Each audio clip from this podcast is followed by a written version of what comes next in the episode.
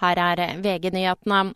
President Volodymyr Zelenskyj toner ned betydningen av Ukrainas tap av byen Avdivka. Russiske styrker tok kontroll over byen i forrige uke.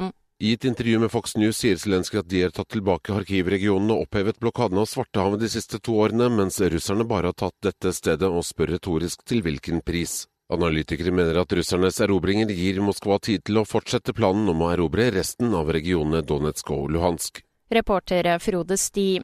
I Danmark registrerte Det jødiske samfunn i fjor 121 antisemittiske hendelser. Det er det høyeste antallet som er registrert i landet, ifølge avisen Berlingske. Hendelsene dekker alt fra trusler og hærverk til antisemittiske ytringer mot jøder. Amerikanske velgere flest er skeptiske til både president Joe Biden og utfordreren Donald Trump. Begge er mentalt uskikket, mener velgerne ifølge en måling i New York Daily News. 49% gir likevel sin støtte til Biden som president, mens 45% støtter Trump. Viaplay tapte 9,7 milliarder svenske kroner i fjor. Det viser den ferske kvartalsrapporten fra det kriserammede TV- og strømmeselskapet. Bare i fjerde kvartal tapte selskapet 2,9 milliarder. I studio, Kristin Strand, nyhetene får du alltid på VG.